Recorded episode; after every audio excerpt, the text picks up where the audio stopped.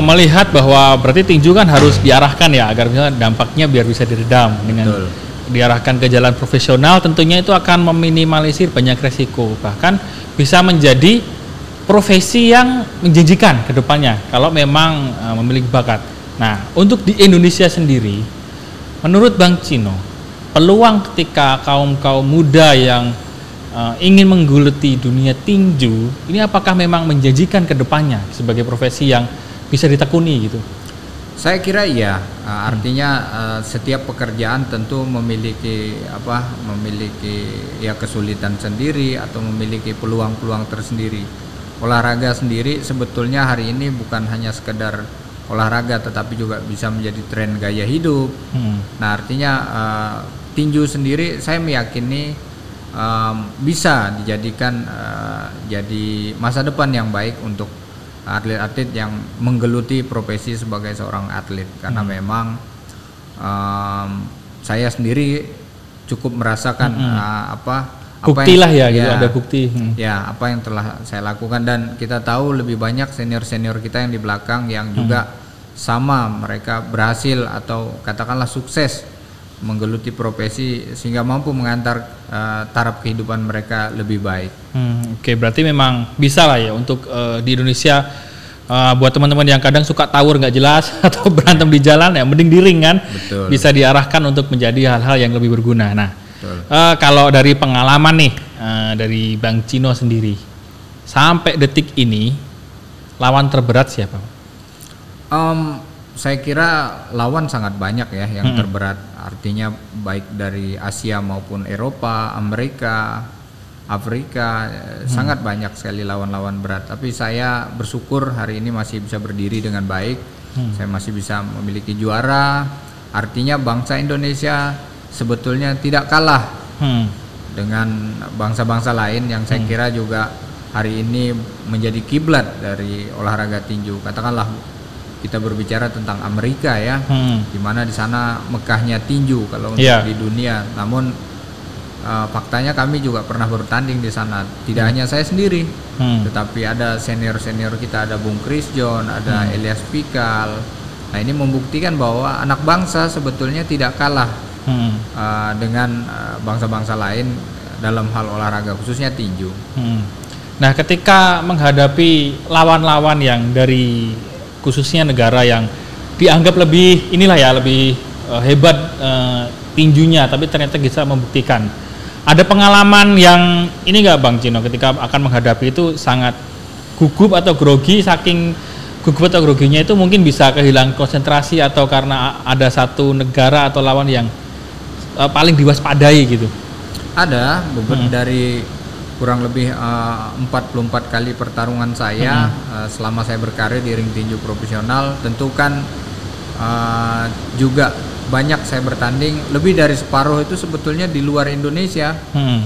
Nah, ada banyak sekali ya suka duka dan eh, hal-hal yang saya rasakan di mana eh, tentu manusiawi ya Iya. bagi kita seorang atlet ketika bertanding eh, merasa gugup, Hmm. merasa demam panggung, terlebih yang kala itu bertanding di Amerika. Hmm. Kita tahu Amerika adalah kiblatnya tinju untuk Betul. dunia ini, dunia tinju dan ketika kita bertanding di sa- sana di sentralnya boleh dibilang Mekahnya tinju yaitu Hmm. di MGM Grand Las Vegas Nevada tentu sesuatu yang tadinya hanya hanya mimpi bagi saya gitu karena tidak mungkin kita sangat jauh bisa ke sana dan siapa Bertarung lagi gitu. ya dan siapalah kita katakanlah seperti itu namun eh, promotor kala itu Oscar De La Hoya eh, melalui ke promotornya Golden Boy Hmm.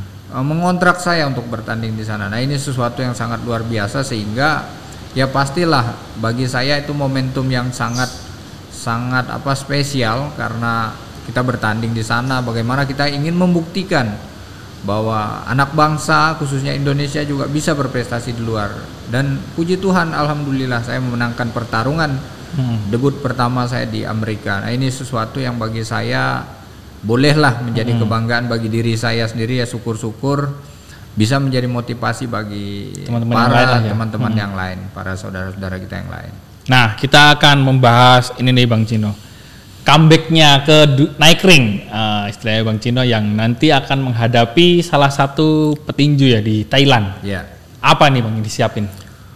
Um, saya tentunya berlatih ya. Hmm. Setiap hari saya berlatih bersama tim, bersama pelatih, bersama rekan bersama rekan-rekan di sini di Experience Boxing Camp ini kami berlatih bersama-sama baik di pagi hari maupun di sore atau menjelang malam. Uh, kami juga melakukan sesi latih tanding hmm. setiap seminggu tiga kali, di mana uh, saya dibantu oleh teman-teman kita di sini uh, hmm. menjadi uh, pas sparring partner. Mereka sangat membantu sekali. Mereka juga punya pengalaman yang baik.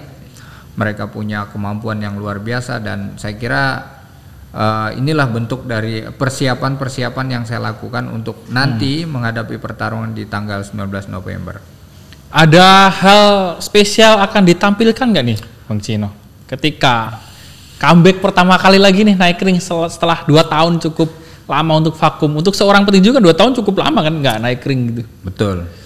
Ya uh, memang uh, kali ini rasa-rasanya saya akan menampilkan hal-hal uh, yang berbeda dari hmm apa aja dari itu? sebelumnya nah, hmm. tentu ini boleh barangkali menjadi perhatian atau atensi karena hmm. kita tahu dunia olahraga itu sebetulnya pure murni olahraga. Iya. Hari ini uh, saya merasa uh, saya terpanggil uh, tidak hanya karena olahraga namun ada uh, keterpanggilan lain di mana uh, saya ingin uh, nanti di pertandingan tentu menampilkan sesuatu yang uh, tidak tidak umum boleh hmm. boleh dikatakan seperti Wah, itu. Penasaran nih tidak umum.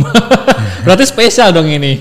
bagi saya iya, bagi hmm. saya iya dan saya kira ini mewakili uh, halayak uh, tinju uh, hmm. Indonesia khususnya karena memang uh, olahraga biasanya selalu pure murni olahraga. Namun hmm. kali ini saya bolehlah barangkali menampilkan sesuatu yang ada unsur-unsur lain yang saya kira boleh menjadi perhatian bagi masyarakat. Hmm, boleh dikasih bocoran gak nih Bang Cino? Kasih clue aja nih. Um, saya ingin memberikan kontribusi sebetulnya terhadap hmm. masyarakat yang lebih luas dan lebih hmm. besar melalui panggung politik. Hmm, Oke. Okay. Nah nanti tentu akan ada sesuatu yang akan saya tampilkan di hmm. baik di kostum maupun di badan saya. Hmm. Dan bahkan ada momentum yang eh, rencananya akan saya lakukan berserta tim saya juga um, menampilkan gaya yang boleh dibilang tidak pernah saya lakukan sebelum. Gaya bertandingnya ini? Ya oke okay, berarti emang ada strategi baru nih yang tentunya akan sangat menarik untuk kita tunggu dan spesial nanti. Nah itu tadi sudah disebut bahwa ada comeback dari Bang Cino di atas ring dan menampilkan hal baru. Tapi salah satu disebut tadi adalah dunia politik nih. Apakah berarti nanti Bang Cino setelah menjadi atlet akan terjun ke politik Ya, um, kita tahu ya di Indonesia mm-hmm. rencananya akan apa melakukan hajatan uh, politik praktis di 2024 ya. Mm. Dan ya, tentu ini kan masih fase yang cukup lama, artinya masih kurang lebih tiga tahun. Tentu um, saya terus melakukan uh, upaya atau belajar lah katakanlah begitu uh, untuk juga menekuni uh, dunia politik praktis hmm. karena memang saya merasa terpanggil uh, khususnya di daerah saya ya di Dapil dan ini juga menjadi atensi bagi saya karena ternyata melalui olahraga barangkali hmm. kita bisa memberikan kontribusi yang lebih luas terhadap masyarakat khususnya di pedalaman. Apakah itu berarti setelah tanggal 2024 kalau terpilih apakah akan gantung sarung tangan? Oh tidak. Atau seperti apa? Ya, jadi saya akan tetap konsisten uh, menjadi seorang atlet apa pun itu hasilnya ya tentunya hmm. nanti melihat dari atensi masyarakat mudah-mudahan uh, dunia olahraga sebetulnya bisa diterima oleh masyarakat. Mudah-mudahan uh, masyarakat juga memberi kepercayaan. Artinya ketika kita terjun di politik tentu tidak hanya sekedar tampil sebagai uh, apa sebagai kontestan tapi juga bisa memberikan kontribusi uh, bagi masyarakat luas. Karena kita tahu Indonesia ini sangat luas ya hmm. khususnya eh, pulau-pulau uh, yang masih banyak sekali yang apa ya membutuhkan hmm. sekali uh, sentuhan-sentuhan uh, dari berbagai kalangan dan hmm. mudah-mudahan ya apa yang kita lakukan ini diberikan kemudahan, diberikan uh, apa kepercayaan bagi masyarakat.